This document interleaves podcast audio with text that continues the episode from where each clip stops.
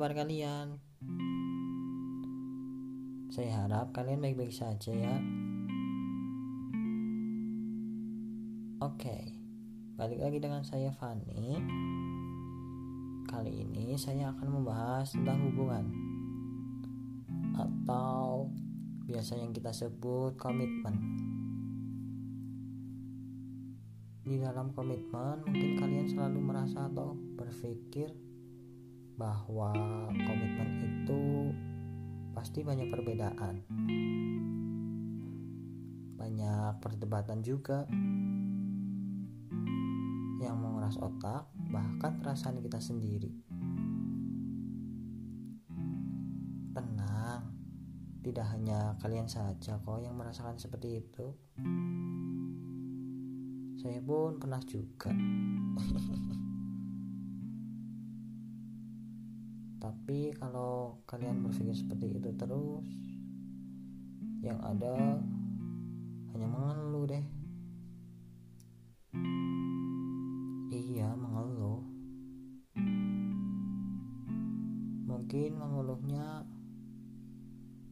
kayak gini.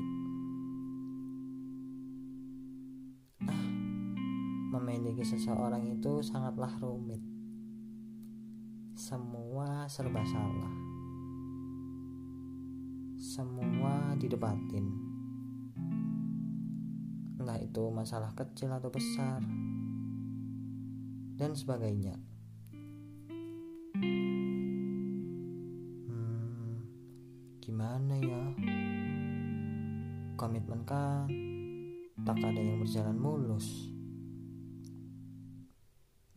Cerita cinta di FTV sama film romance saja untuk menuju akhir yang bahagia banyak rintangannya. Apalagi cerita cinta kita yang menjadi sutradaranya adalah sang pemilik alam semesta ini. Hah, iya sih benar juga.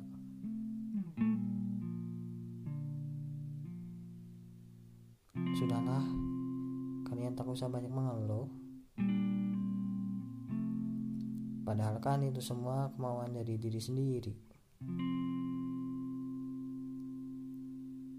Ngomongin komitmen. Iya komitmen.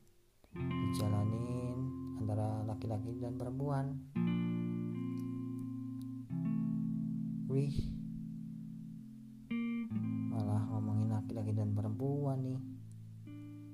jadi lebih ramai loh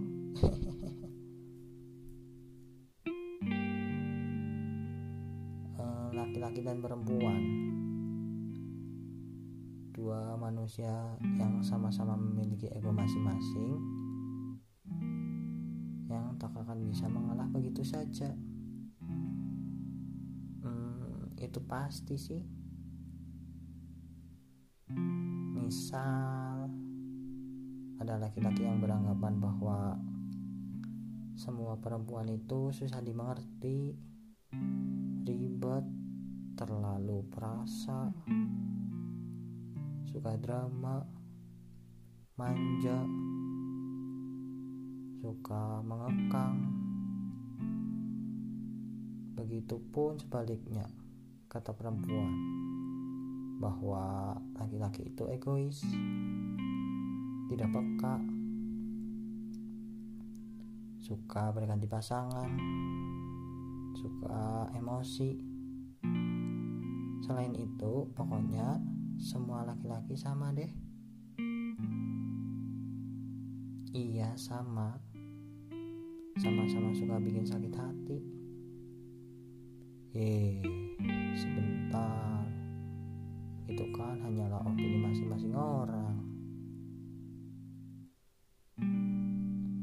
kan saya sebagai laki-laki juga. Bagi saya sih itu semua tidak benar. Tidak semua laki-laki seperti itu kok.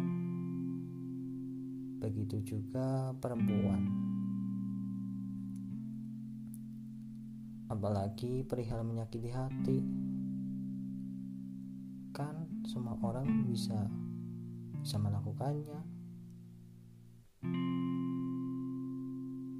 Jadi, tak semua yang kalian anggap itu semuanya sama.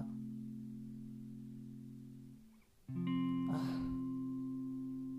malah membahas antara laki-laki sama perempuan.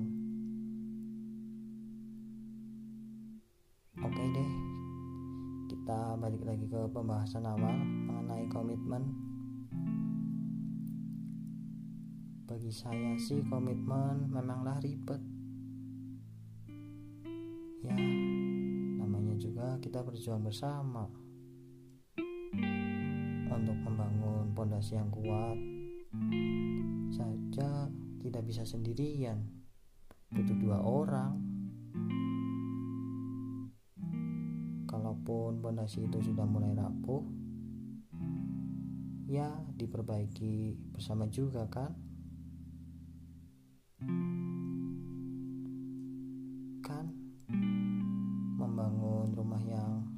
fisiknya ada aja tidak bisa sendirian. Apalagi membangun rumah yang bentuknya hanya ada di dalam jiwa manusia